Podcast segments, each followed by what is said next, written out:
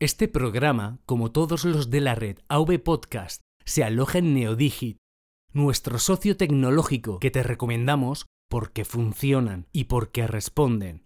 Puedes contactar con ellos en neodigit.net. Mecánica Pod, un programa de AV Podcast para los que les gusta conducir. AV Podcast. Tú eliges qué escuchar.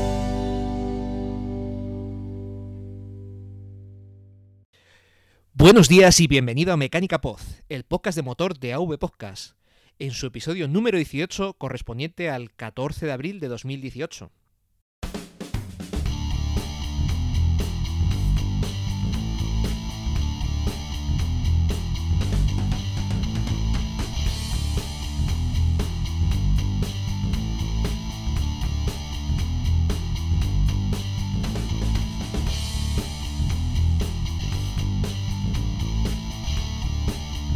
Buenos días, buenas tardes, buenas noches. Eh, hoy tenemos un episodio muy especial porque por primera vez traemos a un invitado, pero antes de nada, al otro lado de la línea, en Galdácano, está, debería estar Pedro. Estoy, estoy. Buenos días, Gerardo, y buenos días a la audiencia. Buenos días. Eh, y en Zaragoza debería estar David Luesma, director de ingeniería de Calvera, que es una empresa que se dedica al diseño y fabricación de sistemas de transporte eh, de gas, eh, muy enfocados ahora en el hidrógeno, que es de lo que vamos a hablar hoy.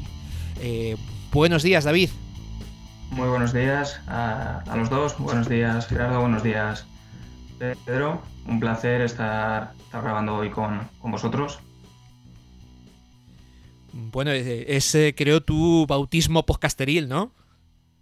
Sí, de grabación sí, pero soy un, un asiduo oyente de, de podcast. Eh, bueno, trabajo como a media hora de, de, casa, entonces todos los días tengo ahí una horita de, de margen para, para, escuchar podcast, que cunde, cunde bastante, con lo cual pues encantado de, de bautizarme en la grabación de podcast con, con vosotros.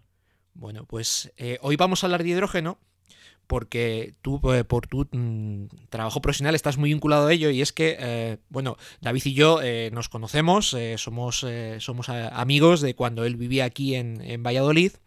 Y estas navidades se, de, se, dejó caer por aquí, por, por, Valladolid, y estuvimos hablando un poco del hidrógeno. Y yo le vine a decir, va, si esto del hidrógeno en automoción yo no le veo futuro. Y tú me sacaste del error. así que, bueno, si quieres, empieza por contarnos un poco qué estáis haciendo en, tu empresa al, respecto de, de, del hidrógeno en automoción. Bueno, eh, como bien has dicho, en, mi empresa nos dedicamos al, diseño y a la fabricación de, de sistemas de, de transporte de, gas a presión. Últimamente estamos bastante vinculados, o sea, tradicionalmente hemos, hemos hecho eh, sistemas para transportar gas, eh, perdón, hidrógeno industrial, pero últimamente estamos bastante metidos con el hidrógeno energético. Bueno, al final es bastante parecido, lo único que cambia es un poquito la, pureza del, gas, eh, ya que en industria te puedes permitir un, una pureza algo inferior y en temas de hidrógeno energético tienes que ir prácticamente a la, a 10 milésima por ciento de pureza de hidrógeno esto que queda así como muy rimbombante, lo de sistemas de almacenamiento y tal, pues bueno, eh, bajándolo un poco a, a, al nivel eh, terreno, pues no dejan de ser eh, bloques de botellas, botellas, las botellas estas de gas, pues de 50, 80 litros, las más pequeñas, hasta botellones de prácticamente 2.000 litros de volumen de agua, que nosotros juntamos pues, en estructuras y unimos a través de un, de un, colector pues para que funcione todo como una batería de almacenamiento. Entonces, como digo, eh, tenemos bloques desde eh, 10 botellas de 50-80 litros hasta camiones de 11 botellones de 2000, pasando por, por, contenedores de 20 pies, de 30 pies, para almacenar el gas pues, a, a 300 bares de presión y llevarlo del punto A al punto B.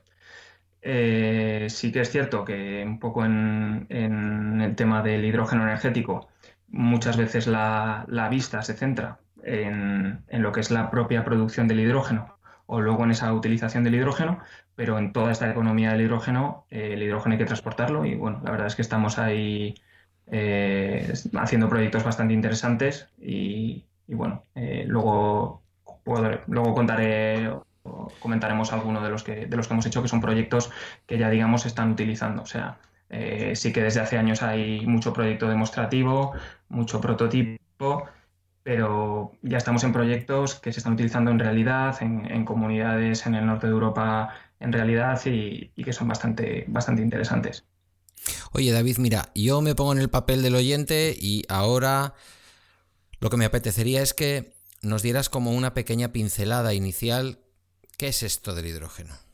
Bueno, a ver, el hidrógeno eh, es el elemento más, más abundante que hay, en la, que hay en la Tierra pero tiene un, pequeño problema y es que no se encuentra, eh, no se encuentra en estado libre. Es, muy complicado encontrar la molécula de hidrógeno, el H2, en estado, en estado libre. Normalmente está asociado a otras, a otras moléculas eh, y supongo que todos tenemos en la cabeza que, la, que la, más, la forma más fácil de encontrar hidrógeno, pero asociado a otras moléculas, pues es el, es el agua. ¿no? el, del H2O, pues ese H2 es la es la molécula de hidrógeno. Entonces, eh, no, así como un hidrocarburo, eh, un gas natural o, un fuel pesado, eh, lo puedes extraer de la naturaleza y utilizarlo como combustible de manera prácticamente inmediata, después de limpiarlo, procesarlo mínimamente, el hidrógeno no. El, hidrógeno primero lo tienes que obtener o disociar de las moléculas con las que se asocia para luego poder almacenarlo y volver a utilizarlo como, como una fuente de energía. Por eso el hidrógeno no se considera eh, una fuente de energía como tal, sino que eh, se considera un vector energético. Es decir, tú tienes que emplear una energía, obtienes un hidrógeno, que ese hidrógeno te permitirá luego volver a tener energía. Obviamente en todos los procesos de transformación hay una, hay una eficiencia, hay un rendimiento que vas perdiendo eh, por el camino. Con lo cual, eh, la energía que tienes que emplear en un principio para obtener un hidrógeno y que luego eh, te va a proporcionar ese hidrógeno, pues va disminuyendo, con lo cual puedes decir, bueno, así en la práctica no tiene mucho, mucho sentido emplear electricidad, por ejemplo, para producir hidrógeno si luego voy a tener mucha menos electricidad de la que emplea en un primer momento. Entonces, la ventaja de, utilizar el, hidrógeno como vector energético es eh, o tiene sobre todo sentido cuando pensamos en, las energías renovables. Las energías renovables el problema que tienen es la estacionalidad, es decir, eh, tú tienes viento en un momento determinado, tienes sol en un momento determinado, pero no tiene por qué corresponder ese momento con, el momento en el que tú necesitas esa energía. O tú puedes tener un momento un exceso de producción o de capacidad de producir energía con el viento eh, mayor de, lo que, de la, de, la, energía que necesitas en ese momento. Entonces, un poco la ventaja del hidrógeno es que te permite a modo de batería, eh, almacenar esa energía excedentaria, ¿vale? Para luego emplearla en otro, en otro punto. ¿Has perdido rendimiento en, ese empleo de esa energía eh, para producir hidrógeno? Por supuesto, pero es que si no esa energía renovable se habría desperdiciado. Entonces, pues bueno, eh, primero tenemos que tener claro eso, que es un vector energético, ¿vale? Eh, hay varias formas de obtenerlo. He comentado antes el, que en la industria se viene utilizando desde hace décadas el, hidrógeno para determinados procesos, pero tradicionalmente ese, hidrógeno se ha, obtenido a través de un proceso que se llama reformado de hidrocarburos. Es decir, eh, tú utilizas gas natural, que la, la, molécula es CH4, lo, a través de un catalizador lo combinas con vapor de agua, con H2O, y obtienes eh, eh, moléculas de monóxido de carbono, CO, y moléculas de hidrógeno. Esta es la forma tradicional de producir hidrógeno, pero tiene la pega de que estás utilizando un combustible fósil, hemos dicho gas natural, para producir este hidrógeno. Eh, es un hidrógeno totalmente utilizable, este hidrógeno se viene utilizando desde hace décadas, pero no es un hidrógeno limpio, ¿vale? La otra forma de producir el hidrógeno pues sería eh, a través de eh, electrolizadores, que tienen unas membranas poliméricas, que, bueno, no, no, vamos a profundizar mucho en este tema, pero eh, la energía que tú utilices para que ese electrolizador produzca el hidrógeno te determina la limpieza, entre comillas, del, hidrógeno, porque tú puedes tener el electrolizador enchufado a un enchufe de la red normal o puedes utilizar energía renovable para para mover ese electrolizador y que te produzca el hidrógeno, con lo cual sería un hidrógeno eh, verde. David, más o menos por electrólisis, ¿qué, porcentaje de eficiencia tiene, tiene el proceso, digamos? Por electrólisis. Pues, eh, si no recuerdo mal, mm, creo que estamos hablando ahora mismo, según el tipo de membranas, pero de entre un 60-70% de, de rendimiento. Ostras, yo pensaba, que era bastante menor, ¿eh? No sé por qué tenía en la mente de que la cifra del, rendimiento de, la electrólisis era bastante menor que ese 60-70. Por poner un poco en perspectiva, Hace poco hablábamos de esos motores que había anunciado Mazda y Toyota que eran súper eficientes y llegaban a un 40% y que ya me gustaría a mí ver ese 40% mm, de verdad. Sí, bueno, el tema es que luego tú cuando utilizas ese hidrógeno en una pila de combustible tienes, otro, tienes otra pérdida de rendimiento. Entonces, eh, si comparas la energía inicial con la energía eléctrica que te ha producido en el segundo proceso, esa eficiencia te baja. No recuerdo ahora eh, exactamente el, dato, pero bueno, ya baja unos parámetros más, eh, más razonables, o sea, más razonables o más bajos, quiero decir, ¿vale? Muy, interesante. Pues eh, continúa, continúa, que te, he cortado ahí y está, estás todo en lo mejor, estoy sacando las palomitas. Nada, pues, pues eso, hemos visto un poquito que el, hidrógeno es un vector energético, que digamos hay, hay varias formas de, producirlo, eh, principalmente o por reformado de gas natural o a través de electrólisis, ¿vale? Eh, según, según la procedencia de esa energía para producir la electrólisis, eh, será un hidrógeno más verde o menos, ¿vale? Y luego ese hidrógeno producido hay que, hay que almacenarlo para poder llevarlo, bueno, pues o, llevarlo o no. Quiero decir, tú puedes eh, producir el hidrógeno, almacenarlo on-site, almacenarlo en el mismo sitio en el que lo, que lo produces para consumirlo en el mismo sitio. Pero bueno, normalmente se suele transportar. ¿Cómo se suele transportar? Pues digamos que hay tres formas, pero siempre se suele utilizar una de ellas. Eh, se puede transportar o bien licuado, que el licuado tiene un problema y es que el hidrógeno licúa a menos 252 grados. O sea, es algo, necesitas un poquito de frío para poder licuar el, hidrógeno. Estamos hablando de prácticamente 20 grados Kelvin. O sea, es una temperatura muy baja. Entonces, aunque el hidrógeno licuado tiene una densidad alta, es decir, puedes llevar en, la misma, en el mismo volumen mucha cantidad de hidrógeno, necesitas bastante energía para obtener ese, ese frío, ¿vale? Con lo cual ya estás todavía penalizando más tu rendimiento de, del proceso. Lo que pasa es que es cierto que eres capaz de transportar más, más volumen, pero bueno. Eh, luego, a la hora de manipular el, hidrógeno eh, licuado, tienes eh, que tener bastantes precauciones, o sea, porque una gota de ese hidrógeno te, produce unas quemaduras increíbles. Y luego tienes también otro problema, pues, eh, bueno, a nivel, a nivel tecnológico, para mantener ese frío tienes que utilizar unas, unas eh, cámaras de aire de vacío para no utilizar tanto aislamiento y demás. Y además el, hidrógeno licuado tienes una, pequeña pérdida, eh, no, o sea, no es, no es, mi, no es mi campo el, hidrógeno licuado, pero sé que tienes como una pequeña, una pequeña pérdida.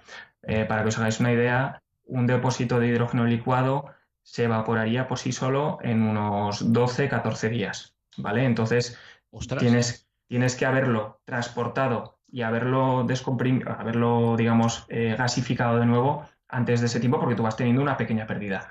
En temas de automoción, eh, aunque me estoy adelantando un poco, sí que con hidrógeno licuado hizo algún pinito BMW hace unos años y bueno, solucionaba el tema del frío con pues, lo que he hablado antes, con unas cámaras de vacío y ese hidrógeno que se va a ir perdiendo sí o sí, eh, BMW lo asumía o, lo gestionaba de una forma segura como quemándolo. O sea, lo canalizaba y lo, quemaba, en vez de que se fuera, digamos, a, la atmósfera. Prácticamente el hidrógeno licuado, sé que, sé que en, Alemania algo de transporte se hace, pero no es ni muchísimo menos la forma, la forma más eh, normal. Hay otra forma que es una cosa rara, volvemos a BMW, eh, que se llama el criocomprimido, hidrógeno criocomprimido. Esto eh, consiste en enfriar el hidrógeno prácticamente hasta temperaturas, de licuefacción, pero lo mantienes en un estado intermedio, ¿vale? Y además lo, presurizas. Eh, lo mantienes a unos 300 bares y a unos 250, 250 grados bajo cero. Entonces lo tienes, pues eso, no necesitas tanta, tantísima energía como para dar ese salto de, la licuefacción eh, y te permite llevar una cantidad interesante de, hidrógeno. Y luego la forma en la que se transporta el 99,9% eh, del hidrógeno es comprimido, ¿vale? Eh, pues simplemente es un gas que tú lo comprimes y, en función de cuánto más lo comprimas, pues más, más podrás almacenar. Tradicionalmente se ha, transportado en botellas de acero, ¿vale? Que permitían una, presión de transporte y, en industria todavía es como bastante estándar los 200 bares, ¿vale? Entonces, eh, una botella de acero para eh, almacenar 200 bares, pues te puede requerir más o menos unos 8 o 9 milímetros de pared. Es algo, razonable.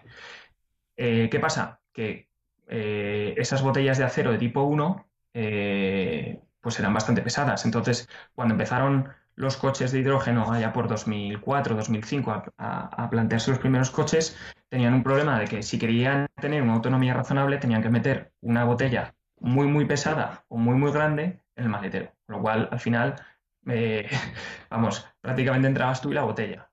¿Qué pasa? Que en automoción desde hace unos años se empezó a, a utilizar presiones mayores, 350 bares, es, eh, era antes lo estándar, luego veremos por qué, eh, con lo cual aumentabas bastante la, bueno, aumentabas la autonomía con respecto a los 200 bares y se empezaron a utilizar en automoción eh, botellas de, material compuesto. En vez de ser botellas en las que toda la botella es de acero, son botellas que el, liner, el alma, es de aluminio, es muy ligero, pero no, no aguanta demasiada presión, aguanta en torno a unos 80 bares ¿Y cómo consigues eh, llegar a 350? Pues recubriendo esa botella con material compuesto, con fibra de carbono, con composite, ¿vale? Entonces, consigues una botella mucho más ligera y que te va a aguantar tanta presión como vueltas, digamos, le des al, material compuesto, al composite.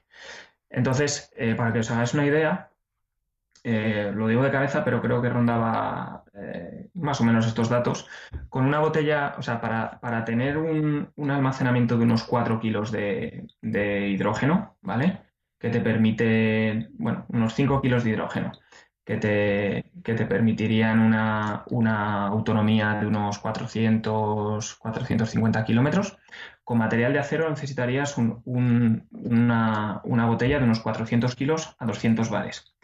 ¿vale? Con composite, ese mismo volumen de hidrógeno lo llevaríamos en una botella de 90 kilos y seríamos capaces de llevarlo a 350, a 350 bares. Estamos hablando de una reducción de prácticamente cuatro veces el peso, aumentando la presión y disminuyendo muchísimo el peso a la cuarta parte.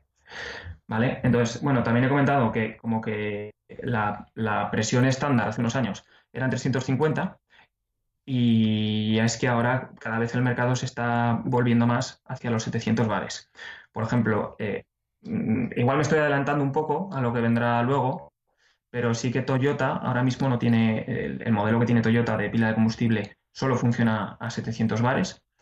Eh, los de Hyundai de hace un par de años eh, funcionan a 350 bares, pero el último que han sacado ya lo han subido a 700. Entonces, claro, cuanto más presión, más kilos de hidrógeno en el mismo recipiente y más, más autonomía, ¿no? Y un poco sí que en esa carrera de conseguir una autonomía eh, equiparable a los coches de combustión, pues cada vez se va a más, a más presión. Pero bueno, no me, quiero adelantar, no me quiero adelantar a lo que puede venir luego.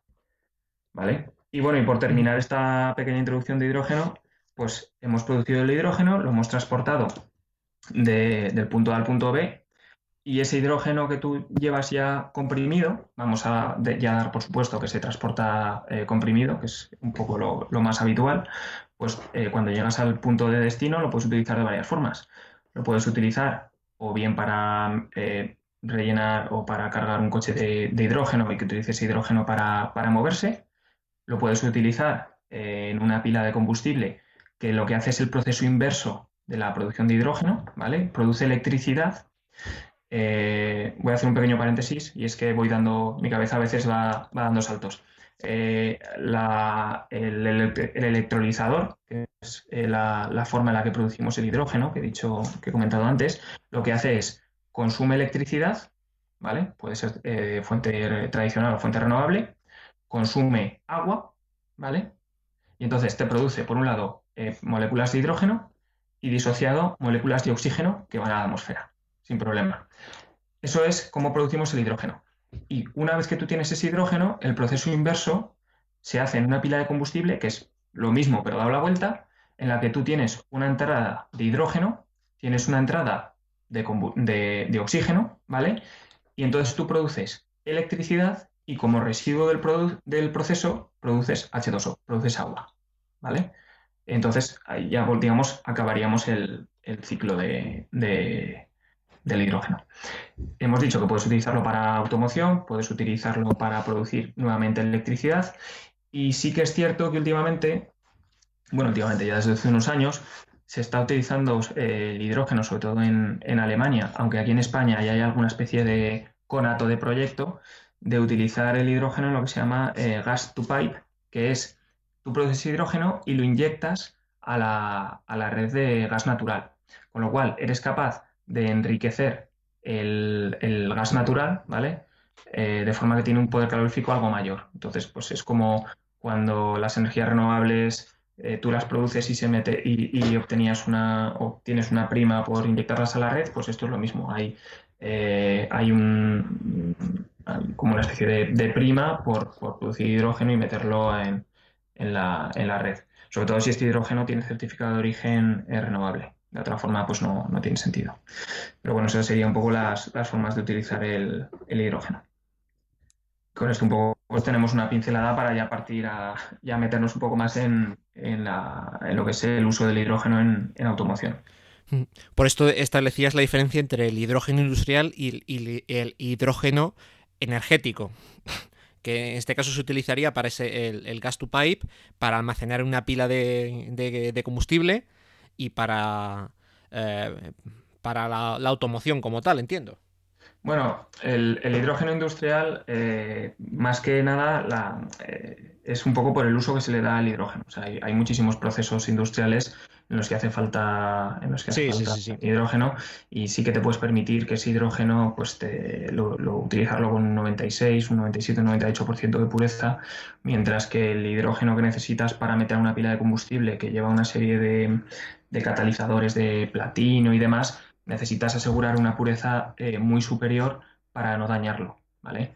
Entonces, bueno, un poco el, cuando me refería a hidrógeno industrial, me refería a hidrógeno que se ha producido con fines industriales. Pues, ¿qué, pureza, qué pureza eh, hace falta? ¿99,999? ¿Tres nueves? O sea... Sí, eh, por ejemplo, con, con electrolizadores con, de membrana polimérica, los que se llaman PEM, PEM, eh, ahí sí que consigues en torno a la, entre la milésima y la diez milésima por ciento de, pureza.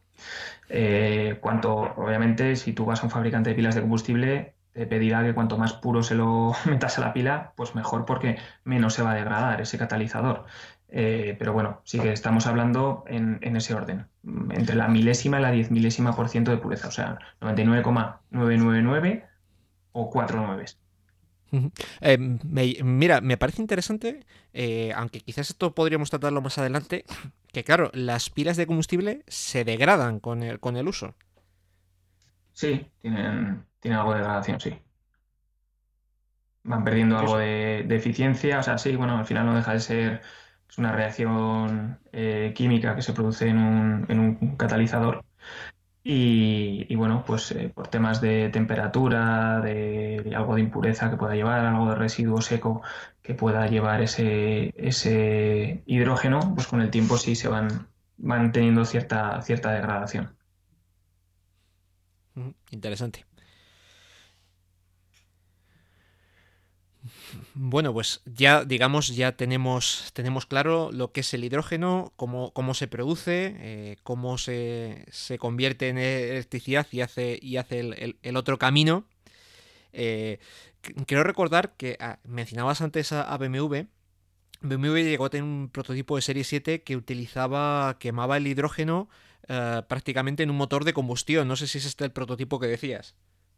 Eh, sí, este, este que hablaba del hidrógeno eh, licuado, sí que, sí que lo utilizaron en, en, esta, en este Serie 7 modificado y era un motor de combustión. Al final, el, el hidrógeno es un, no deja de ser un gas bien gestionado, pues lo puedes, lo puedes inyectar y combustionar como si fuera pues fuera gasolina. ¿Qué pasa? Que tiene un poder calorífico bastante alto, es bastante volátil, por lo tanto eh, tienes que tener, eh, o sea, el tema de la, de la, gestión del motor no es tan, tan fácil como, como con un combustible tradicional. Pero sí, el prototipo este de Serie 7 era un motor de combustión. Mm, si es que al final se puede utilizar, no deja de ser un gas. Sí, sí, sí, eh, tiene su, su, su, poder energético. Eh, pues nada, entonces cuéntanos. Volviendo, perdona un último inciso, por comparar el tema de los, de los combustibles, eh, para que os hagáis un poco una idea de la, de la diferencia de poder calorífico que estamos hablando, eh, sí que tenía por ahí apuntado como dato curioso que un vehículo que consuma aproximadamente unos 6 litros de, gasolina a los 100, a los 100 kilómetros, estaríamos hablando con la densidad de la gasolina de unos 4,5 kilos de, de combustible por cada 100 kilómetros. Si, si, miramos un, vehículo de gas natural, esos 4,5 kilos eh, bajarían a unos 4,2 ¿vale? de gas natural. ¿Qué pasa? Que el gas natural actualmente es bastante más barato, entonces a un consumo similar, el, el precio de los 100 kilómetros con gas natural es bastante inferior, pero cuando si miramos eh, cuántos kilos de hidrógeno nos hacen falta para recorrer esos 100 kilómetros, bajamos a 1,65. O sea, estamos, digamos, pues eso, en la, tercera parte de, lo que necesitas, o sea, o el triple de poder calorífico que la gasolina o el gas natural. Eso suponiendo que lo quemaras como, un motor de combustión eh, normal, digamos. No, haciendo, digamos, caso al poder calorífico. Es decir, eh, bueno, sí. Ah, eh, vale. solo, teniendo en cuenta eso. Eso es, eso es. Y, asumiendo, que, evidentemente, la misma eficiencia en el mismo motor o en el mismo método de... Perfecto. Eso es. Curioso, curioso. Bueno, y entonces en automoción entiendo que eh, pasa por la pila de combustible. Sí, a ver, eh, digamos que en automoción hay dos grandes, dos grandes grupos eh, o dos grandes enfoques en cuanto a los, a los vehículos de, hidrógeno. El primer, el primer grupo sería el que usa el, el hidrógeno directamente a través de una pila de combustible para producir la electricidad que mueve un motor eléctrico, que es el que mueve el tren motor del, vehículo, ¿vale? Eh, más o menos la pila de combustible y el motor eléctrico son del mismo rango de kilovatios, ¿vale? Y, digamos que pues eso sería lo que tenemos actualmente con el Toyota Mirai, que luego comentaremos. Entonces eso, eso es el uso eh, el, uso de los vehículos de pila de combustible tradicionales, ¿vale? Bueno, tradicionales o, normales. ¿Cuál es el otro, el otro mm, grupo de, vehículos de hidrógeno? Es los que se llaman de rango extendido. Estos vehículos de rango extendido me parecen bastante interesantes porque lo que hacen es parten de un vehículo eléctrico eh, que tiene una autonomía como vehículo eléctrico y lo que hacen es utilizar una pila de combustible de mucha menos potencia que consume hidrógeno y lo que hace es mantener con ese hidrógeno que tiene almacenado las baterías del vehículo eléctrico cargadas al 100% durante X kilómetros. Imaginémonos, eh, luego veremos un caso eh, de un vehículo comercial que, es de este tipo, pero un vehículo que tiene una autonomía en eléctrico, eh, un vehículo comercial que tiene unos 250 kilómetros de autonomía en eléctrico. Se le integra a ese vehículo eh, que puede ser o bien, digamos, concebido así de serie o, que la empresa haya cogido un vehículo eléctrico y le haya añadido el kit de hidrógeno. Y ese hidrógeno te permite eh, aumentar la autonomía eh, en torno a unos 200 kilómetros más, con lo cual tu vehículo eléctrico pasa de tener 250 kilómetros de autonomía en eléctrico a unos 450. Primero tú vas consumiendo hidrógeno durante los primeros 200 kilómetros, mantienes la batería totalmente cargada y te permite que cuando eh, se te ha acabado el hidrógeno, tú empieces a tirar con el, eh, con el vehículo eléctrico. Tú realmente no notas nada en la conducción porque eh, simplemente es una gestión de la batería. O sea, es como que, para que os hagáis una idea, esa pila de combustible es como si fueras con el vehículo eléctrico enchufado a la red, ¿vale? siempre lo vas a tener cargado al 100%. Cuando se acabe ese hidrógeno, tiras con el eléctrico. Esto tiene bastante sentido, lo que, lo que os decía, a mí me parece muy interesante por varios motivos. Primero, eh, ahora mismo, luego también lo comentaremos, la, infraestructura de hidrogeneras no es, no es eh, muy amplia, sobre todo aquí en España.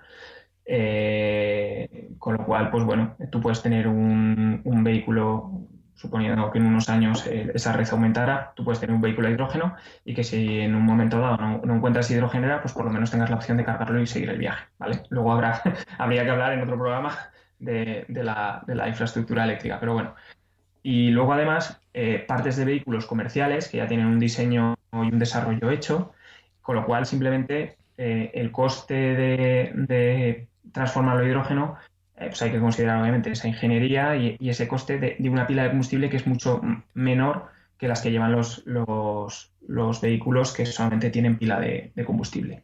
Entonces esos serían los dos, los dos grandes grupos de, los dos grandes tipos de vehículos de hidrógeno que, eh, hay. Luego dentro de eso hay subdivisiones, pero bueno, eh, según si la si tienen eh, la pila de combustible en paralelo con la batería, si la pila de combustible, porque todos estos vehículos de hidrógeno parten también un poco de tecnología que tú conoces perfectamente, ¿no? como los híbridos, todos tienen frenada regenerativa, todos tienen un pequeño set de baterías para poder arrancar desde cero eh, en eléctrico que luego entre la pila de combustible cuando ya el coche tiene cierta inercia. Entonces, pues bueno. Eh, digamos que el enfoque aquí sería eh, mm, para, que la pila de combustible no, tenga que asumir los picos de, demanda de potencia, digamos, como son las arrancadas. Eso es. Ese par inicial te lo va a dar una pequeña batería. Por ejemplo, las baterías que llevan los, los vehículos con pila de combustible como medio de tracción, pues ronda el kilovatio hora, entre, están entre el kilovatio y los dos kilovatios hora. Simplemente lo justo, pues para lo que. Estás en un semáforo, arrancas y esa pila de combustible no tiene que asumir ese pico de potencia que le requiere el par para, arrancar. Por ponerlo en contexto, me parece, si no me recuerdo, las, eh, las de los híbridos de Toyota me parece que andaban, rondaban los 3 kilovatios o algo así. Eh, los 3 kilovatios hora, o sea que más o menos por ahí, por ahí iría el tema. Bueno, como decía, luego hay eh, distintas eh, diagramas de, arquitecturas de, los vehículos, eh, pero siempre partiendo de la, de, la misma configuración de motor eléctrico, pila de combustible, batería. Dependiendo, pues cada fabricante pasa un poco como con los, con los eléctricos. Cada fabricante un poco le da la vuelta a la solución y la plantea como más como prefiere, ¿no? Hay veces que la batería está, digamos, en paralelo con el motor, hay veces que la pila de combustible alimenta la batería y solamente hay una única entrada al motor, bueno, pero eso ya depende de cada, de cada fabricante. Son un poquito los, los grandes los grandes grupos de vehículos. David, en cuanto a la red de infraestructuras, eh, ahora hablaremos un poco de lo que hay en el mercado de, hidrógeno, pero en cuanto a la red de infraestructuras, ¿hay algún tipo de estándar, digamos, de para, hacer la, recarga del hidrógeno? ¿Hay un estándar de conexión o, pasa como los eléctricos que cada fabricante hace la guerra por su cuenta y hay 80.000 conectores? No, eh, sí que eso está estandarizado. Eh, sí que es cierto que las normas son normas americanas, son normas SAE. Eh, pero eh, bueno, se están adoptando en todo el mundo como, como válidas, ¿no? Ante, ante, la falta, digamos, de estándares europeos, eh, lo que se está haciendo en Europa viene con, con normas AES y son, son boquereles estándar. Sí que es cierto que están, igual que en gas natural, tienes conectores mm, para vehículos que se llaman NGV1 y los de camiones que son más grandes, que te dan más caudal son de tipo NGV2 y se supone que todos son, pues eso, o sea, un coche, eh, aunque hay varios fabricantes que poco tienen el mercado, pero se supone que todos los NGV1 son compatibles entre sí, pues con el hidrógeno pasa parecido. obviamente, los dos estándares que hay son los que he comentado antes, o bien a 300, a 350 bares o bien a 700. entonces, un vehículo de 350 obviamente no puede repostar en una estación de, 700 bares eh, y hasta donde yo sé sí que uno de 700 puede repostar en una de 350. Lo que pasa es que se va con el vehículo a medio cargar o la mitad de la capacidad de lo que puede, pero por lo menos puede recargar. y luego sí que es cierto también que el gas tiene una cosa muy, muy curiosa. Eh, todos los gases cuando se descomprimen eh, tienden a enfriarse, ¿vale? Tú, por ejemplo, cuando vas a cargar gas natural en un coche de gas natural, eh, tu depósito se supone que está vacío, lo puedes tener a 10, 15, 20 bares y tú vas a empezar a cargarlo desde una presión de 200. Entonces, esa entrada a tu depósito lo que va a hacer es enfriarse, enfriarse bastante. En, en gas natural no, no pasa nada, pero lo que decía es que el hidrógeno es un gas bastante curioso o bastante puñetero porque reacciona de la manera contraria. Cuando se descomprime, se calienta. Entonces, eh, antes decíamos que, una, que una, los depósitos de los vehículos, ahora lo normal es que sean de material compuesto, de composite, que la temperatura no le hace especial gracia. Es decir, eh, tú, eh, digamos, el gas que metes a una botella de composite no te debería pasar de unos 80 grados, ¿vale? Porque por encima eh, el composite ya empieza como a, perder sus propiedades, empieza como a... Eh, composite al final con el calor como que se, derrite, ¿no? Hablando un poco, un poco mal. Entonces, sí que una eh, hidrogenera de 350 bares puede cargar de una forma más o menos sencilla, simplemente por igualación de presiones con la, con la hidrogenera, pero en una hidrogenera de 700 bares el repostaje es algo más delicado. Eh, la hidrogenera tiene que saber a qué presión está el depósito eh, del vehículo y tiene que ir regulando el caudal para que, eh, digamos, ese calentamiento que, tiene el gas al entrar al depósito y expandirse sea, esté dentro de una zona segura. Entonces, sí que los boquereles de 700 bares y los coches que tienen 700, el depósito de 700 bares tienen unos sensores infrarrojos de forma que cuando tú vas a cargar el hidrógeno, se comunica el boquerel, la manguera de la hidrogenera, se comunica con el, con el depósito del vehículo. Y entonces, antes de que empiece a entrar el hidrógeno, sabe perfectamente la hidrogenera, el surtidor, eh, qué presión tiene, a qué, a qué temperatura está, y entonces va regulando el caudal para que en esa primera fase de carga, que el salto es muy grande, desde los 700 bares que tú quieres cargar hasta, eh, pues en un primer momento, el, depósito puede estar prácticamente vacío, pues eh, de primeras el caudal se regula y se deja pasar muy poquito caudal para que ese calentamiento sea seguro y conforme vas llegando al final, pues vas aumentando el caudal, ¿vale? Porque ya la diferencia de presiones va a ser cada vez menor. O sea, ese, ese salto o ese calentamiento cuando tú estás metiendo gas a 700 y tu depósito ya está a 600 bares, pues es, es menor y no eh, y ya digamos es, es seguro. Entonces, respondiendo a tu pregunta, me robé un poco, sí que hay estándares, ¿vale? Pero eh, es bastante más delicado el, repostaje a 700 bares que a, que a 350. Cuando digo delicado es de cara al proceso, de cara al usuario, cargar hidrógenos como cargar gas natural. O sea, tienes un boquerel que se hace estanco, que metes presión y cuando acabas se descomprime y lo, y lo retiras. Pero la ingeniería que hay detrás de un repostaje de 700 bares pues es bastante más, más compleja. O sea, de hecho, te, iba a preguntar, o sea, para poder cargar hidrógeno entiendo que eh, hacen falta unas eh, medidas de seguridad. Eh, o sea, ¿es muy diferente de, repostar gasolina o GLP, GNC? no es muy diferente de repostar un gas comprimido, ya sea GLP o, GNC. No es, no es, diferente repostar hidrógeno. hombre, con respecto a la gasolina, pues sí que tiene algo de diferencia. Pero eh, con respecto a otro gas no mm, ni es diferente, eh, ni en temas de seguridad, ni en temas de, tiempo, ¿vale? De normalmente un, depósito de hidrógeno, ya sea a 350 bares o a 700, aproximadamente entre 3 y 5 minutos lo tienes completamente lleno, ¿vale? Estamos hablando en, en ese rango de tiempos. y, no, es especialmente ni complicado ni, diferente. O sea, es como cargar gas natural comprimido o cambiar GLP.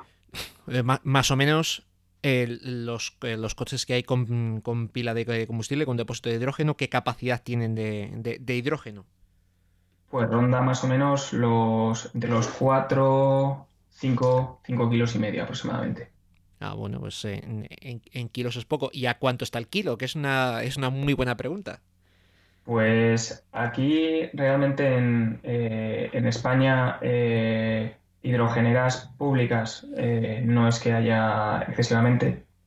Sí que los datos que yo conozco son de, fuera de España. Por ejemplo, hay varias hidrogeneras en, Reino Unido que ha, hecho una empresa que es fabricante de electrolizadores que se llama ITM y ahí el kilo puede rondar más o menos los, las 10 libras, o sea, los, los 12, 12 euros el kilo.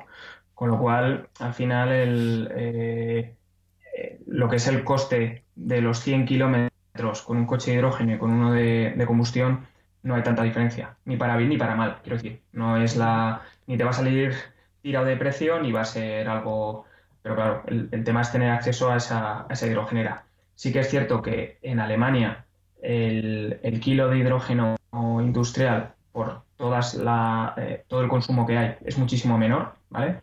O sea, estamos hablando que esos, esas 10 libras es precio final eh, al público de una empresa que yo como yo voy a repostar hidrógeno me cuesta eso. Si estuviéramos hablando de hidrógeno eh, industrial en, en, Reino Unido, por ejemplo, pues estaríamos hablando de, unos, de unas 8 libras, pero es que en Alemania el hidrógeno industrial baja hasta los 3, 3 euros y medio. Hay una economía de, escala eh, enorme. Entonces, aquí en España no, te lo sé decir, porque prácticamente las hidrogeneras que hay eh, a día de hoy pues son prácticamente no privadas, pero, pero bueno, son eh, las flotas que hay en España hoy en día son, son, son muy reducidas. Sí que es cierto que hay proyectos, hay por ejemplo un proyecto que se llama, bueno, que lo, lo promueve POCTEFA, que es un ente transfronterizo que bueno, hay, un proyecto europeo más, eh, más grande que intenta hacer un corredor de hidrógeno para que un coche de hidrógeno pueda cruzar Europa repostando pues, eh, de norte a sur. ¿no? Entonces, la parte, nosotros estamos en Zaragoza, la parte que correspondería a la, pues eso, a, la frontera entre Francia y, España, el corredor iría, entraría por Andorra, habría otra hidrogenera en Tarragona, otra en Fraga Actualmente hay una en Huesca, en la Fundación de Hidrógeno de Aragón, que la verdad es que hace un, hace un trabajo, o sea, es un referente, es un referente a nivel europeo en temas de, hidrógeno que valoran prácticamente más fuera de España que, aquí en España. Eh, y, hay otra hidrogenera aquí en Zaragoza, de, bueno, cuando fue la Expo, que también había un par de, de autobuses de hidrógeno en la Expo, se quedó un poco sin uso y ahora con este proyecto de PopTefa se quiere volver a, como a, retomar. Estaríamos hablando de eso, entre Andorra y, Aragón, pues de cinco hidrogeneras. Es un poco lo que hay previsto para, los próximos años. Sí que también sé eh, que hay eh, un par de hidrogeneras en, en Madrid en proyecto. De momento Eh, prefiero no, comentar las empresas que las están promoviendo, pero bueno, sí que eh, en un año, año y medio debería haber un par de hidrógenas en Madrid. Hay otra en el Centro Nacional de Hidrógeno, eh, que es en, está en, Ciudad Real. Entonces, bueno, pues luego en Sevilla, si no me equivoco, hay otra.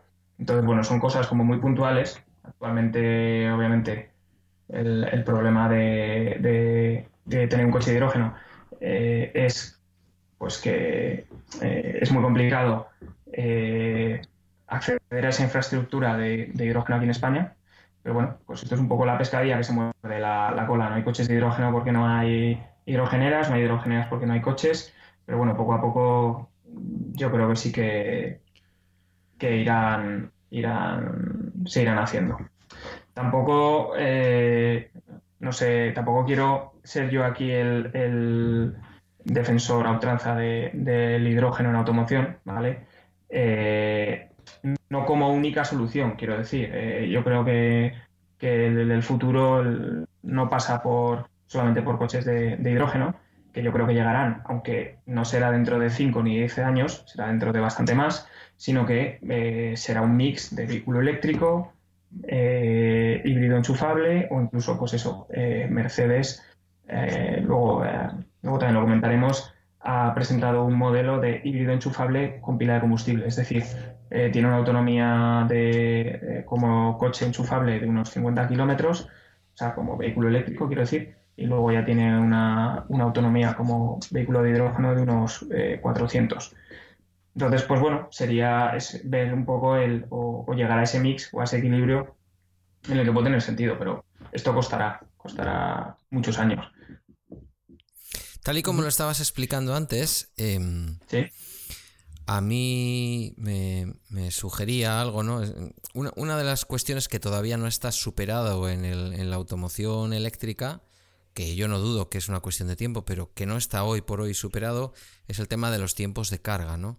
Sobre todo para los ciudadanos comunes eh, con coches comunes. Ya no hablamos de los Tesla y estos, bueno, fundamentalmente los Tesla que pueden a través de los supercargadores estos hacerlo un poco más rápido. Claro, mm, esto que tú estás planteando, ese coche, no sé si llamarle mixto o bifuel o cómo llamarle, o híbrido, que sería quizás la, la palabra correcta, híbrido de, funcionamiento eléctrico, pero que a su vez lleva, adicionalmente, como tú nos explicabas, un depósito de hidrógeno, en parte soluciona eso, ¿no? Porque de alguna manera tú estás recargando, por así decirlo, tu vehículo eléctrico al mismo tiempo que circulas. No tienes que hacer una parada de 20 minutos o media hora cada 220 kilómetros para, para cargar tu vehículo eléctrico. Claro, sí, así es. No se soluciona porque no tenemos, como bien dices tú, eh, dispensadoras de hidrógeno, pero si las tuviéramos, en el hipotético caso de que las tuviéramos, sería una solución. Interpreto yo desde mi, desde mi papel de cuñado, que sabes que aquí es el papel oficial que ostento, interpreto que sería una solución para esos tiempos de carga. Claro, efectivamente. Sí que es cierto que, la, que la, en los vehículos que hay ahora mismo de, de rango extendido, eh, son estos eléctricos a los que se les instala esa pila de combustible, eh, ahora mismo la, autonomía que tienen por separado es relativamente baja. Eh, ya por dar nombres, hay una empresa francesa que se llama Symbio. luego os paso el enlace porque creo que sea interesante ponerlo las notas del podcast eh, que lo que hace es eh, coge vehículos eh, Renault comerciales, principalmente tiene bastantes unidades vendidas de la Renault Kangoo eléctrica y les instala esta pila de combustible para transformarlos en, vehículos de, de, rango de extendido. Entonces, sí que es cierto que, por ejemplo, esta Renault Kangoo en modo eléctrico tiene una autonomía para lo que estamos ya eh, pensando como coches eléctricos relativamente baja. Son, estamos hablando de unos 200, 200 y poco kilómetros en eléctrico y otros tantos eh, gracias a la pila de combustible. Entonces, bueno, eh, supongo que eso ya es un tema de meter baterías, porque esto, esto es así, meter más, más kilos de batería y más kilovatios de baterías, pero la solución es lo que, lo que comentas, Pedro, que eh, tú puedes funcionar con un vehículo eléctrico en tu día a día, ir a trabajar, volver y tenerlo enchufado y tener esa autonomía razonable y el día que tengas que hacer un, viaje, pues bueno, eh, tienes esa capacidad de tener el hidrógeno que en cinco minutos has, recargado, ¿no? Entonces, por eso yo cuando, he comentado los tipos de, de, vehículos, comentaba que estos a mí me parecen muy interesantes, sobre todo de cara a hacer una, una transición, porque no dependes únicamente de un, de un tipo de combustible o, de una, o de una infraestructura de hidrogeneras, sino que en un momento dado pues puedes ir a lo que más, a lo que más te interese. Y desde el, desde el trabajo que tú tienes, em, ¿cuál puede ser el coste de coger un vehículo tradicional? Tradicional me refiero eléctrico en este caso. Eh, y me estoy imaginando un proceso que no sé si es muy distinto de lo que puede ser en la realidad, pero me estoy imaginando el proceso por el cual se están haciendo algunos, algunas transformaciones a bifuel, eh, utilizando la zona de la rueda de repuesto para introducir, por ejemplo, ahí el, gas, el GLP. Imaginemos que tenemos ya nuestro vehículo eléctrico, estamos ya en una fase posterior, han pasado cinco años, y esta solución de la que tú nos hablabas y que a mí me ha resultado tan sugestiva, mm, se pudiera llevar a cabo. ¿Se podría pensar en un proceso parecido a este? Es decir, en el hueco, por ejemplo, de la rueda de repuesto, se puede instalar un eh, depósito de hidrógeno con las medidas de seguridad que requiera, etcétera, y podría ser algo asequible como ya es la adaptación de un vehículo a GLP, es decir, la instalación de ese depósito adicional eh, mm, para la pila de combustible y todo lo demás, mm, es algo que se puede pensar que por 1.800, 2.000 euros se podría hacer en un vehículo.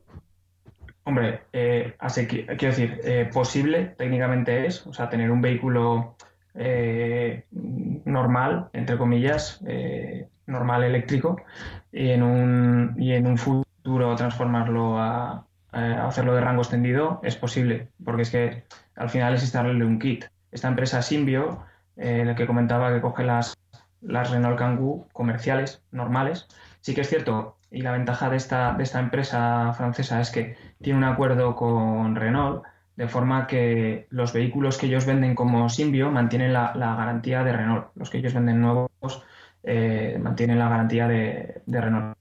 Entonces, es totalmente factible integrar ese kit mm, a posteriori en el, en el vehículo.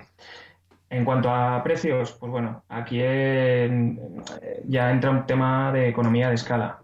Sí que, por ejemplo, una, una, Renault Kangoo eh, eléctrica, estamos hablando de unos 20, 21 mil euros. Estoy hablando así un poco tirándome la piscina, pero creo que ronda por ahí.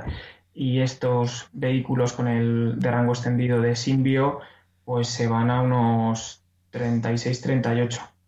Eh, es bastante dinero, mm, pero bueno, eh, quiero decir, no estamos hablando de 200.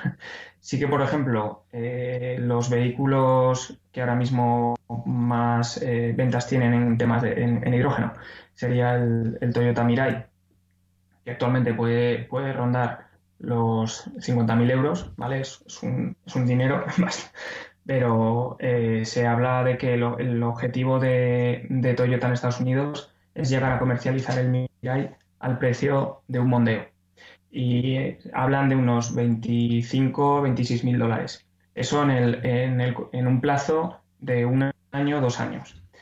Eh, yo no sé si, yo entiendo que en esa reducción de precio, que es la mitad, habrá temas ya de subvenciones o lo que hacía eh, Google ¿no? con, los, con los móviles, que prácticamente no les ganaba dinero para, para que la gente los, los adquiriera pero bueno, eh, la economía de escala en el hidrógeno se está, se está viendo ya. Antes eh, el precio del kilovatio, del kilovatio hora eh, podía rondar, o sea, de un, kilovatio hora de, pila de combustible podía rondar los 2.000 euros más o menos y ahora estamos hablando ya de 800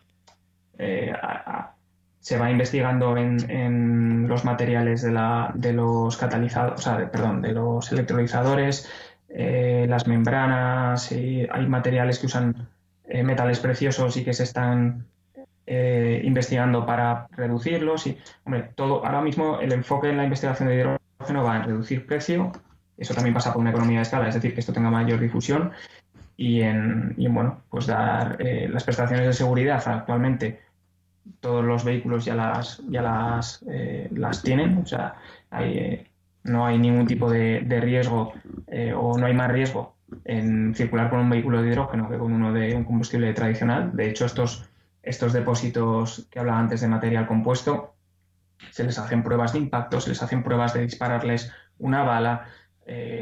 y luego hay que contar también que en caso de que hubiese una fuga, el, hidrógeno es, es, un material, es el más volátil que hay. ¿Vale? O sea, es un, es un, elemento que es el más volátil que hay, con lo cual, en cuanto hubiera la más mínima posibilidad de escapar a la atmósfera, eh, ese hidrógeno se, se, pierde. Si tienes muy mala suerte y se crea una atmósfera explosiva, pues hombre, eso ya tiene, eso ya tiene más.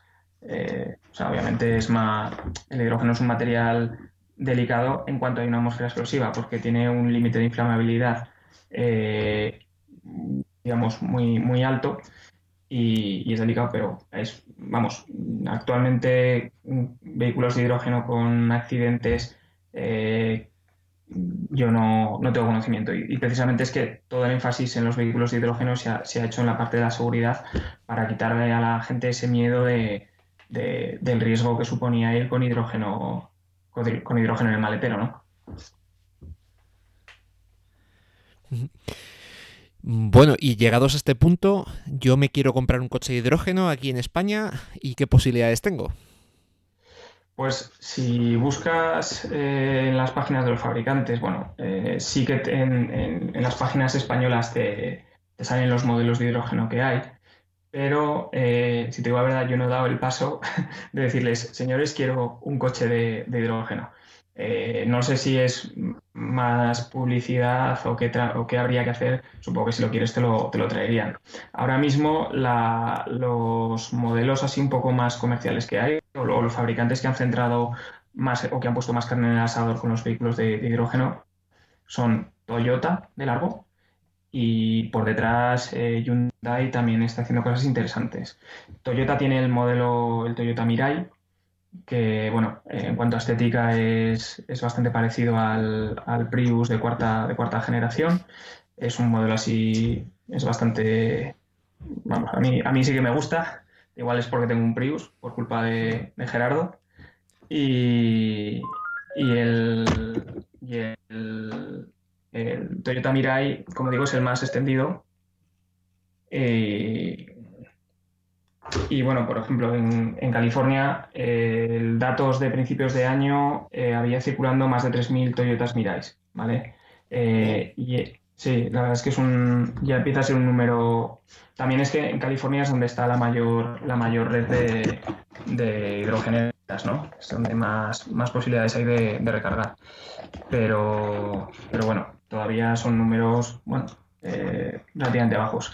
Hyundai tenía un modelo de iX35 con pila de combustible, que pues eso, era un iX35 al que le habían, al que le habían puesto la, pila de combustible y lo que ha hecho ahora Hyundai ha sido sacar un nuevo modelo, eh, que es el, ah, no sé, recuerdo si era el Nexo o el Neo, Nexo, perdona, que un poco la plataforma pues es un, es un sub y que ya digamos han diseñado como eh, específicamente como, coche de hidrógeno, ¿vale? El, modelo que tenía antes Hyundai era, pues eso, un iX35, pero en el que le habían integrado la, pila y ahora ya, pues, eh, en 2000, finales de 2018, principios de 2019 sacarán el, Nexo como, eh, pues bueno, digamos que este ya te, ofrece, o sea, la, autonomía que venden del Nexo, por lo menos aquí en, en, lo que comenta Hyundai, pues superaría los 800 kilómetros.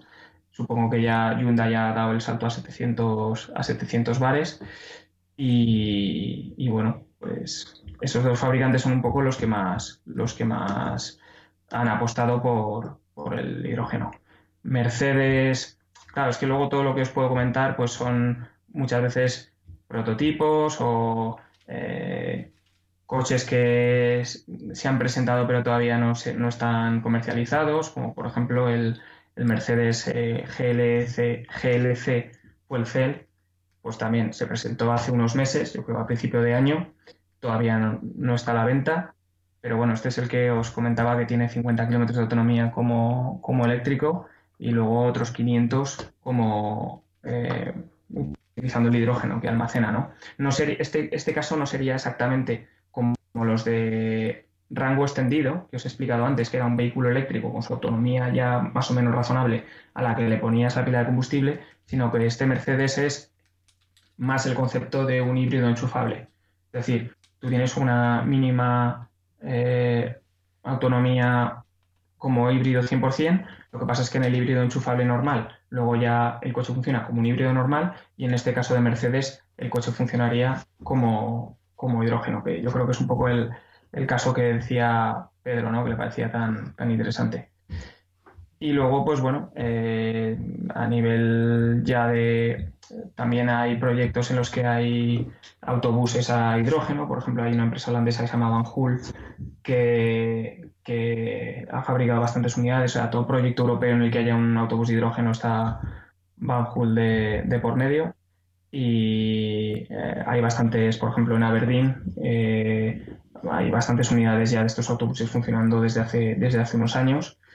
Y, pero bueno, eh, me, estoy yendo por las ramas. Respondiendo a tu pregunta de si voy a un concesionario de Toyota y les pregunto que cuándo me trae un Mirai, mm, pues bueno, supongo que lo podrías conseguir, pero no sé si a, a través de la red comercial normal o, ya sería un tema más de...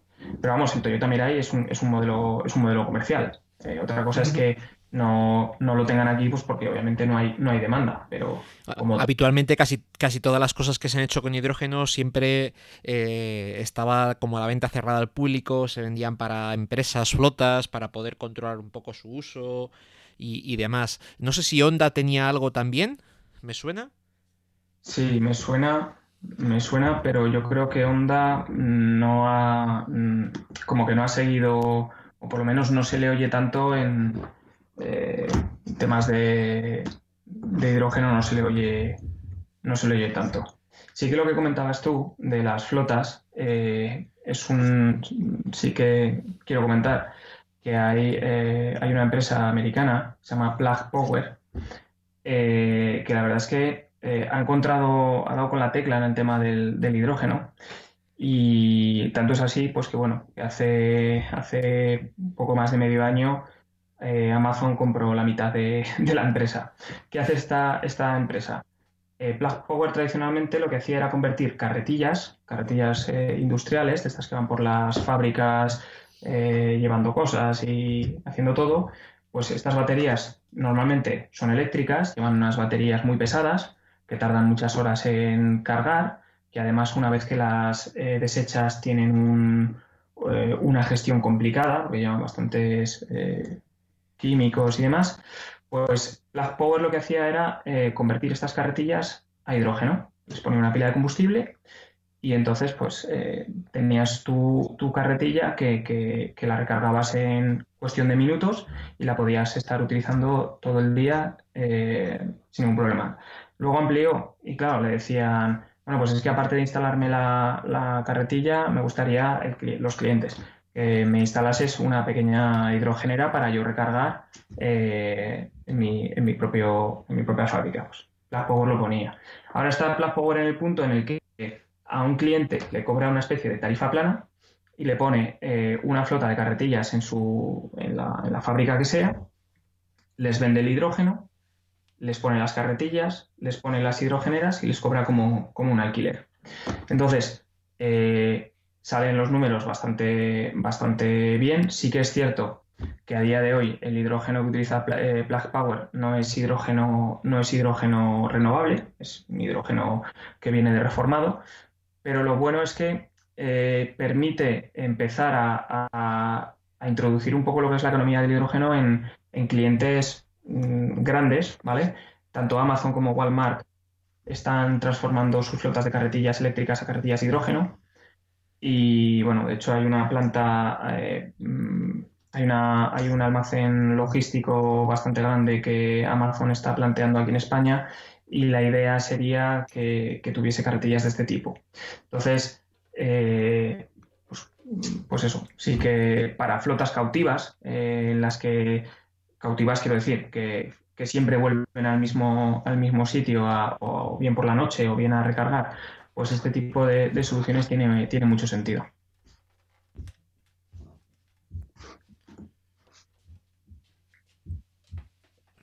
Pues muy interesante. Al final, eh, esto viene en aquello que decimos de que eh, no hay una solución única para la movilidad del futuro, eh, sino que hay muchas soluciones que se complementan unas a otras. Pero el hecho de del hidrógeno no es excluyente del eléctrico, como de igual manera el, vehículo con motor de combustión pasará en 50 años y seguirá existiendo en muchas partes del mundo. Sí, eso está claro. Sí, sí, sí. Y, el que, vamos, eh, vosotros lo habéis comentado en el programa muchas veces y yo estoy totalmente de acuerdo. No, no hay una solución única y no habrá, o sea, pero ni para la eh, hay, que, que saber, digamos, qué, necesidades tienes y cuál es la tecnología que mejor se adapta a tus necesidades. Una, empresa de mensajería que, se mueva en una ciudad con un radio de acción pequeño, el, vehículo eléctrico ahora mismo tiene todo el sentido del mundo. Eh, para otro tipo, bueno, es que no, no, no hay que cerrarse a, un solo tipo de, tecnología, está claro. Pues muy bien, muy, eh, muy interesante todo. Vosotros eh, estabais eh, inmersos en el desarrollo de, hidrogeneras también. Sí, bueno, nosotros estamos, digamos, un poco dando soporte a, empresas que, desarrollan hidrogeneras, porque bueno, al final sí, la gestión del, gas comprimido un poco es nuestro, nuestro fuerte y sí, digamos que estamos ahí un poco en, un segundo plano con, varias empresas eh, en el desarrollo de estas, de estas hidrogeneras. Y sí que bueno, la verdad es que se, se ve que, que hay como cierta efervescencia que cada vez los proyectos eh, se mueven un poco más. Eh, luego también hay empresas grandes de sectores energéticos, ya sea que vienen del gas o de, los hidrocarburos tradicionales, que, cada vez el hidrógeno ya no les suena tan, no les suena tanto a chino, ya se quieren empezar a meter a hacer cositas. Entonces, eh, pasará por porque haya empresas un poco grandes que, que, vayan de la mano de esta transformación para que pues eso, esto llegue a todo el mundo. realmente lo, mismo que ha pasado con, el vehículo eléctrico en estos últimos años, que parece que una bola de nieve que va creciendo, pues hombre, esto obviamente no está en un escenario equiparable, sobre todo también porque lleva unos costes de, de, implantación altos, pero yo creo que, lo que decía, que igual no es en 10 ni en 15 años, pero antes o después Mm, o bien por necesidad del mercado energético a nivel mundial, o por la razón que sea, sí que iremos poco a poco hacia, hacia la economía del, hidrógeno. Sí, quizás eh, el hidrógeno va a quedar a lo mejor como algo más de, nicho para cosas eh, muy concretas. Eh, flotas. Eh, mira, esto que comentabas de las carretillas puede ser un, un, nicho muy, muy importante para, para esto.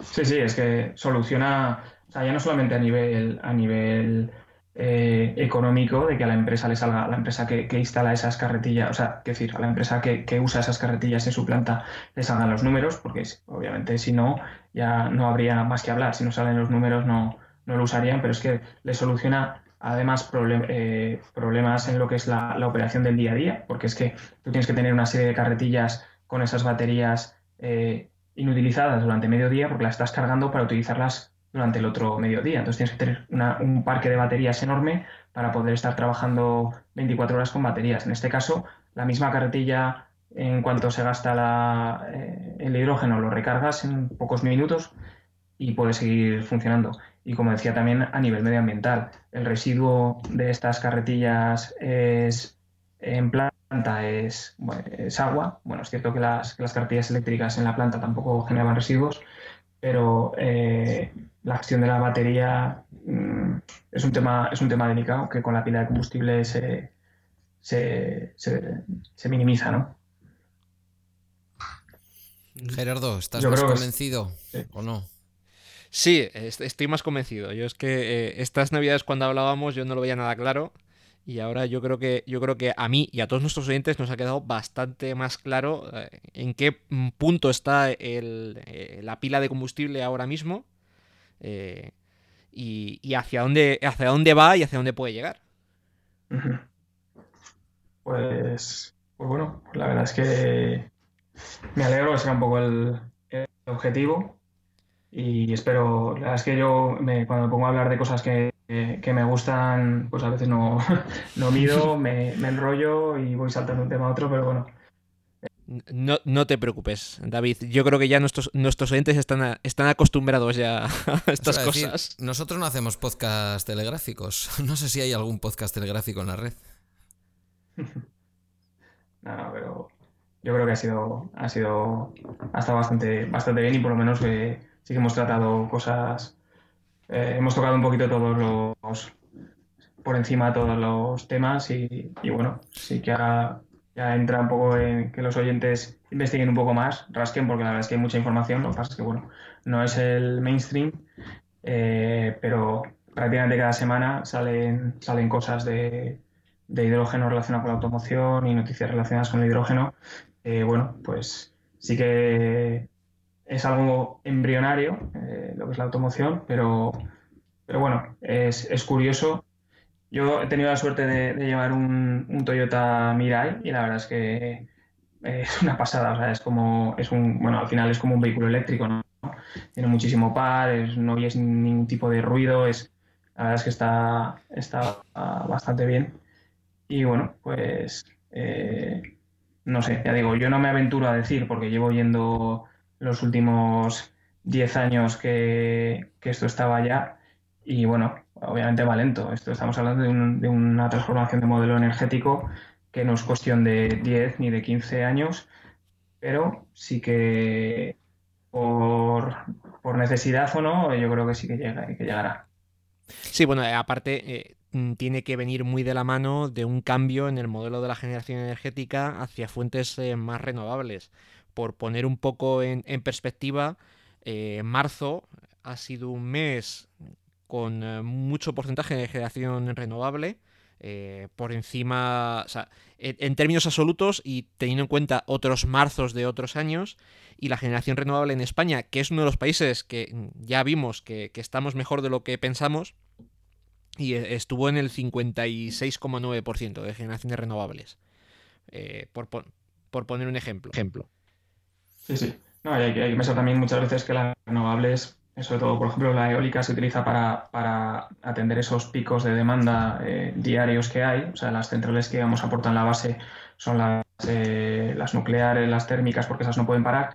Y un parque eólico sí que es más fácil hablando mal, encenderlo y pararlo para, ajustarse a las curvas de demanda que hay eh, diariamente. Entonces, muchas veces eh, hay posibilidad de que ese parque esté generando, es lo que hablábamos al principio, y no lo está porque eh, en ese momento dado hay una sobre, sobrecapacidad eólica para la demanda que hay.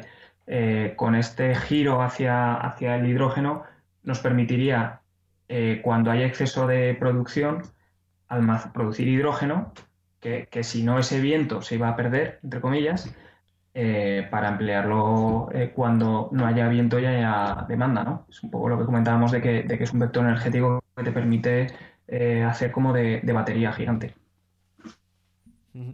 Las empresas y los profesionales que estáis en el mundo del, del hidrógeno, ¿tenéis apoyo? ¿Tenéis apoyo de la administración o de las instituciones? en sectores como este que al final son los que marcan realmente la diferencia entre un país que vive, con todos mis respetos, del turismo y de los servicios o que innova e industrialmente camina hacia pues hacia nuevas formas de hacer las cosas, hacia países más competitivos, sin que la competitividad recaiga siempre en lo mismo que suele ser, ¿no? En la competitividad casi de la mano de obra y no tanto de los procesos y del I de más ¿Tenéis apoyo para para que verdaderamente tengáis respaldo frente a las grandes corporaciones quizás multinacionales que en Alemania o en otros países pueden estar liderando estas pues, cosas? Pues mira, me, alegra que me hagas esa pregunta porque la verdad es que, hombre, eh, nosotros somos una, empresa eh, privada, sí que es cierto que, hemos participado en varios proyectos europeos, entonces, desde, desde Europa sí que hay una, apuesta por, el hidrógeno eh, y hay proyectos importantes en, marcha. Pero sí que es cierto que, por ejemplo, eh, la Fundación del Hidrógeno de, Aragón, que, lleva ya eh, años funcionando, pues es un referente a nivel de, del hidrógeno a nivel europeo en temas de eh, gestión de proyectos, ha, dirigido proyectos y ha investigado en, cosas eh, súper interesantes. Y, como digo, se le valora más, más fuera de España que, aquí. O sea, aparte de, la valoración, también me refiero a que, bueno, pues eh, es una fundación y, bueno, vive un poco de, lo que aportan los, el, patronato y, los fondos que recibe la, del gobierno de Aragón. Y sí que es cierto que, bueno, eh, esos, esos fondos eh, se van reduciendo o se mantienen o, se reducen algo. Entonces, bueno, eh, lo que comentas tú, esta, esta, esta fundación ha hecho que hidrógeno, o sea, perdón, que Aragón tenga un nombre en, en el mundo del hidrógeno a nivel europeo. Hay empresas con las que yo he tratado de toda Europa que conocen la fundación del hidrógeno, que conocen, eh, que conocen Aragón gracias a ellos. Y, bueno, pues aquí no se le da todo el apoyo igual que, requeriría. Pues igual porque es una cosa que se vea más a medio plazo o por la razón que sea, pero eh, sí que yo creo que, podríamos o podría tener este sector algo más de, algo más de, apoyo de la, administración, porque al final es lo que comentas. Eh, esto en un momento dado eh, acelerará.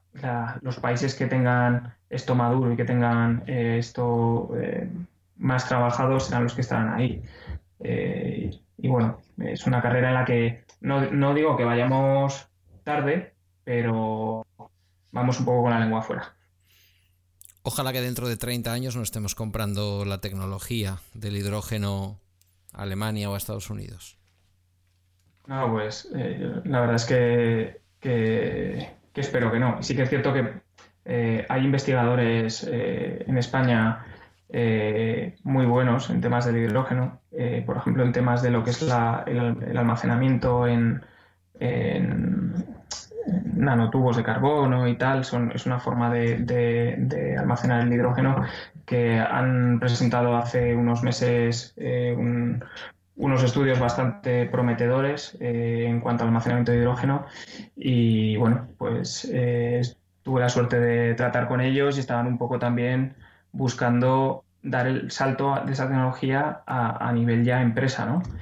Y bueno, pues eh, nosotros estamos viendo un poco a ver qué, podemos hacer con ellos, pero lo que comentas, eh, como aquí no encuentren apoyo, lo razonable es que lo busquen fuera y que unas innovaciones que, han salido de aquí de España pues se acaben, se acaben utilizando o se continúen investigando en otros países.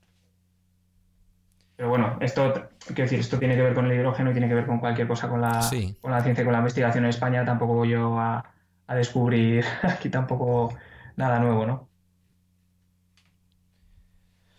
Bueno, bueno, pues eh, yo creo, Pedro, si, no tienes eh, así ninguna pregunta más, yo creo que ha quedado todo bastante claro y podemos ir eh, cerrando, digamos. Yo, desde luego, he escuchado todo lo que todo lo que, o, una buena parte de lo que ignoraba, ¿eh? es un mundo, me parece un mundo apasionante y me quedo también con la impresión, mm, como ha dicho el propio David, de que el futuro de la movilidad, bueno, en primer lugar que no va a ser solamente del vehículo particular, eso también ya lo sabemos, pero que incluso en el vehículo particular o en el vehículo de turismo clásico que hemos conducido todos estos, todas estas décadas, está claro que la fuente de energía no va a ser una sola y que probablemente coexistirán, ¿no? Me quedo también con la sensación de que quizás ahora mismo lo eléctrico viene para taparlo casi todo, pero bueno, también nos apuntaba David, ¿no? La posible colaboración o mejora del vehículo eléctrico también a través del hidrógeno. Entonces, sí, me quedo con la sensación de que esto es aún más complejo de lo que pensábamos y que, que el futuro está por escribir y, que, bueno, está bien que profesionales, emprendedores y empresas españolas estén ahí en el lugar en el que hay que estar. Muy bien, pues eh, nada, solo nos queda agradecer a, David eh, pues que su visita y, su tiempo. Ha sido un placer. Y, nada, eh, yo creo que podemos, podemos ir cerrando. parece que esta vez sí que nos hemos quedado en, en, el tiempo que prometimos, que vamos a andar sobre la hora. Y pues, nos vemos en un par de semanas, ¿no, Pedro? Sí, sí, ya sabes que yo a tus órdenes. Tú me pones un mensaje por email hecho por Telegram y yo respondo. Me cuadro y donde tú me digas y a la hora que me digas. Muy bien, pues esto es todo amigos. Adiós.